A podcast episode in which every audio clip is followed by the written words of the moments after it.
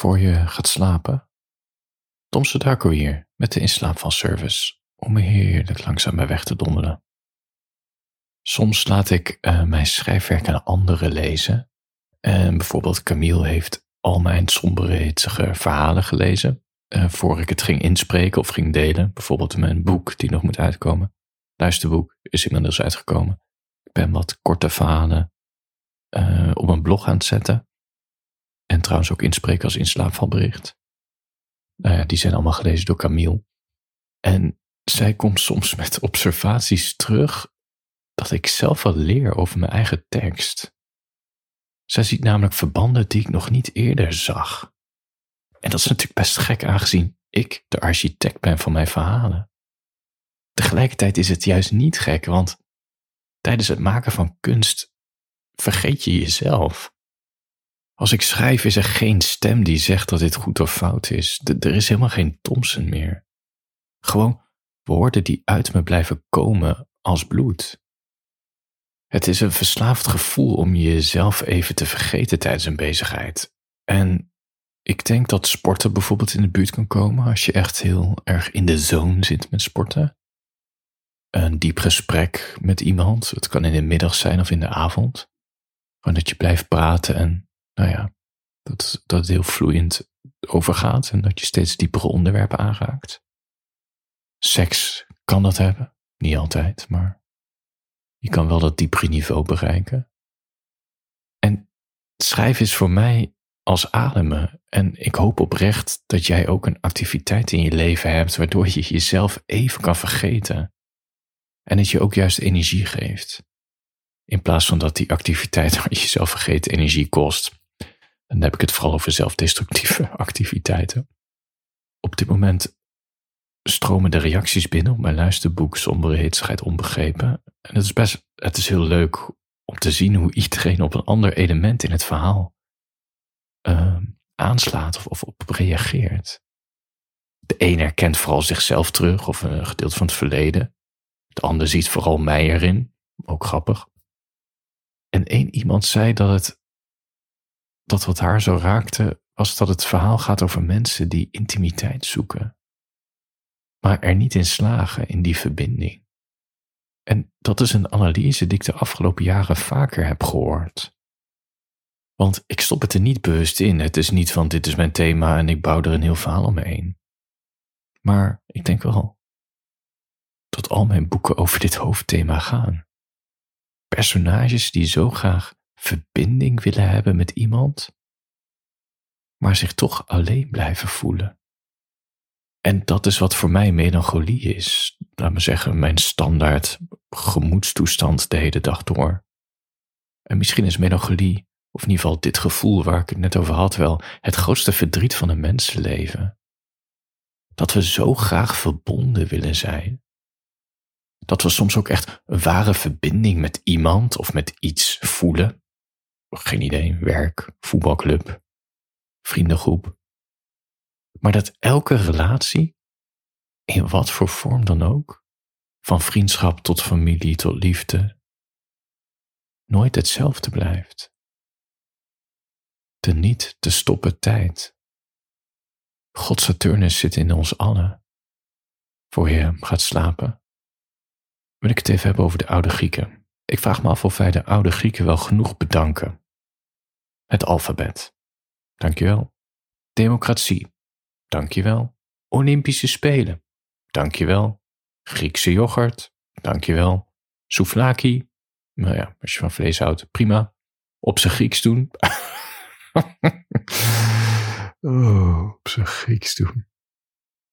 Ja, ik heb het nog nooit op zijn Grieks gedaan, maar het idee prikkelt mijn ziel wel, vooral als het ongeschoren is. Maar goed, google maar. Wat ook heel grappig is aan die oude Grieken, die hadden elk jaar een reden tot een feestje, namelijk het oogstfeest. Nou ja, dat kennen we nog steeds wel. Veel dorpen, dorpen hebben een soort van variant op het oogstfeest. In ieder geval het dorp waar ik vandaan kwam was elk jaar maisfeest. Dat kwam erop neer om gewoon een tent ergens op een weiland te zetten. Biertappen open te gooien. Echt een hele slechte coverband op een podium te zetten. Nou ja, en dan ging het hele dorp uh, dronken worden. Oh, wat waren die avonden terug. Of van die pisbakken buiten de tent. Maar ik wil er niet aan denken. Goed. Die oude Grieken hadden hun eigen variant. En kijk, Brabos en Limburgs toen hebben natuurlijk ook elk jaar een, feest. Dat heet, ehm, nou ja, je weet het wel, dat je in een gekke, met gekke kleren aan al dansende kroeg in komt. Maar die Grieken konden ook goed naar de kloten gaan tijdens het oogstfeest. Die gingen dus met z'n allen tijdens die feestweek toneelstukken bekijken van minimaal vier uur. Vier uur. En niet alleen dat, die toneelstukken gingen ook nog eens over het lijden van de mens. Zwartgallige jongens, die Grieken. En ik kan je zeggen, dat is wel een beetje mijn type mens. Er was natuurlijk toen ook geen tv of radio of dat soort dingen. Maar toch, vier uur lang naar zwartgallige toneelstukken kijken. En vaak als voorprogramma hadden ze een komedie. Dat was juist dan weer heel, heel banaal en heel, heel veel seksuele grapjes. Wat ook alweer opmerkelijk is. Maar goed, wij kennen die toneelstukken onder de naam de Griekse tragedies. Die dus vier uur lang duren over het lijden van de mens. En tragedie is een best maf woord, want het betekent letterlijk bokkenlied. Van, nou ja, geiten, bokken, dat. En we weten niet precies waarom het bok heet. Ik wil niet dat je te licht denkt over die Griekse toneelstukken, want ze zijn qua kunstvorm, denk ik, echt het hoogst haalbare wat de mens ooit bereikt heeft. En ik zeg dat niet alleen, dat zegt Zuurpruim Nietzsche ook. Dat is die uh, nihilistische filosoof uit de 19e eeuw. Besef. Alle artistieke disciplines komen samen in het toneelstuk. Schrijven. Decors bouwen, schilderen, whatever. Kostuums maken, ook een kunst. Liederen en muziek, dat is absoluut een kunst. Acteren, mooi. Dansen. Snap je? Film heeft het ook, behalve dan dat je daar nog een camera voor gebruikt om het vast te leggen. Maar dat komt ook in de buurt van de Oosterse kunst. En dan heb ik het niet over die Marvel-films, maar je weet het wel. En wat ik zo ontroerend vind aan die toneelstukken, is dat, dat zo'n Griekse tragedie de ultieme kunstvorm is, omdat er zoveel mensen aan meewerken, met allemaal talent en dergelijke.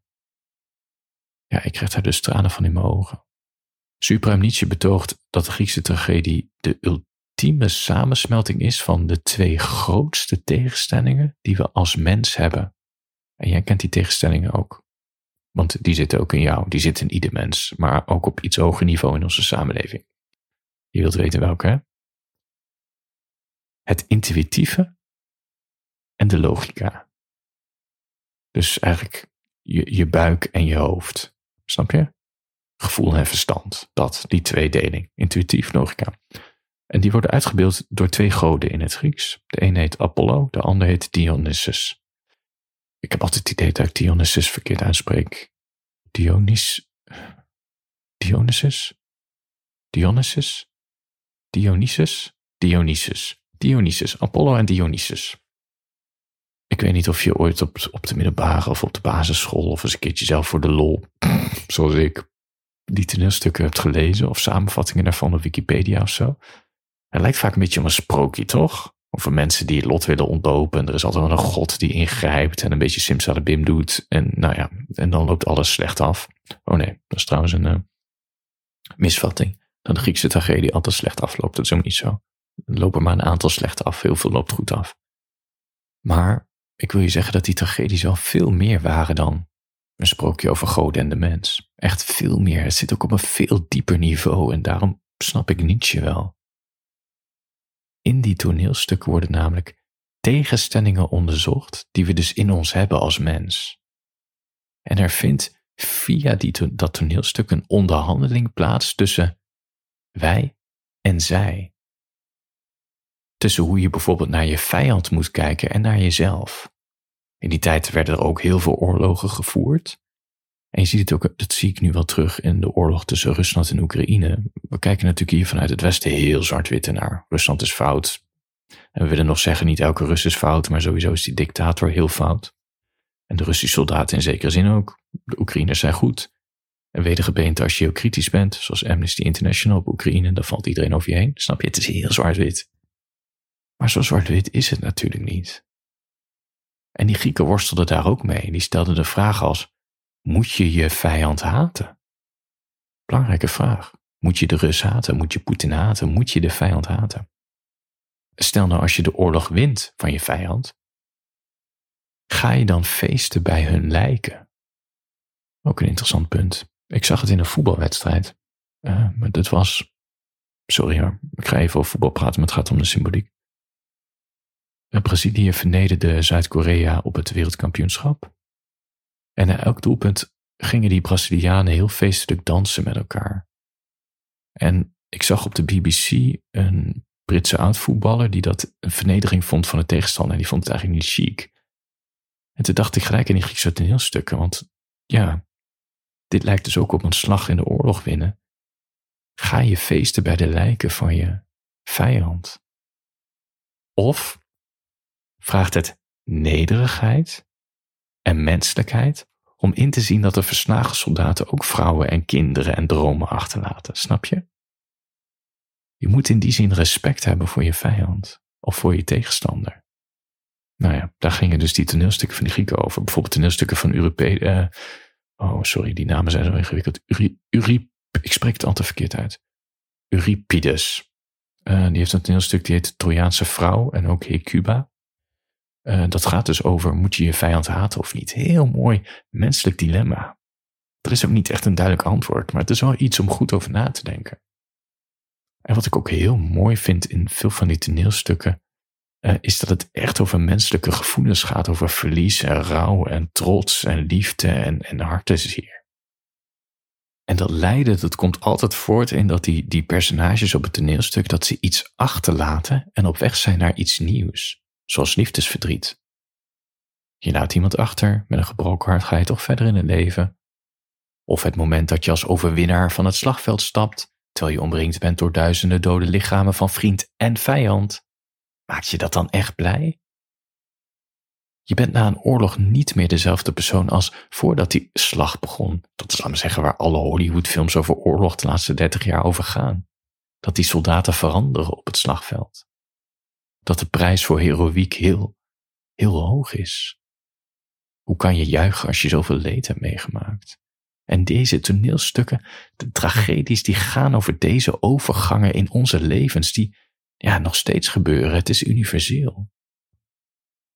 Voor je gaat slapen. Een ander heel gaaf element van die Griekse tragedies, dat is dat ze continu spelen met het lot. Dus een of andere ziener voorspelt de toekomst. De hoofdpersoon doet er in, vervolgens in het toneelstuk er alles aan om het lot te ontlopen en ontketent daardoor toch het lot. Nou ja, het bekendste toneelstuk is denk ik Oedipus, bekend van het Oedipus-complex. Dat iedere jongen een relatie wil met zijn moeder, soort van, maar dan via een andere vrouw. En in dat toneelstuk, toneelstuk gaat trouwens helemaal niet over het Oedipus-complex, maar tot terzijde. Hij krijgt dus te horen in het toneelstuk van je, je vermoordt je vader en je trouwt met je moeder. En hij wil, hij wil dat niet, dus hij probeert zijn lot te ontlopen, waardoor hij juist zijn vader vermoordt en uiteindelijk ook met zijn, zijn moeder bezwangert zelfs. Terwijl hij het helemaal niet weet. En tegelijkertijd weet hij het ook weer wel. Dus het is zo dubbel.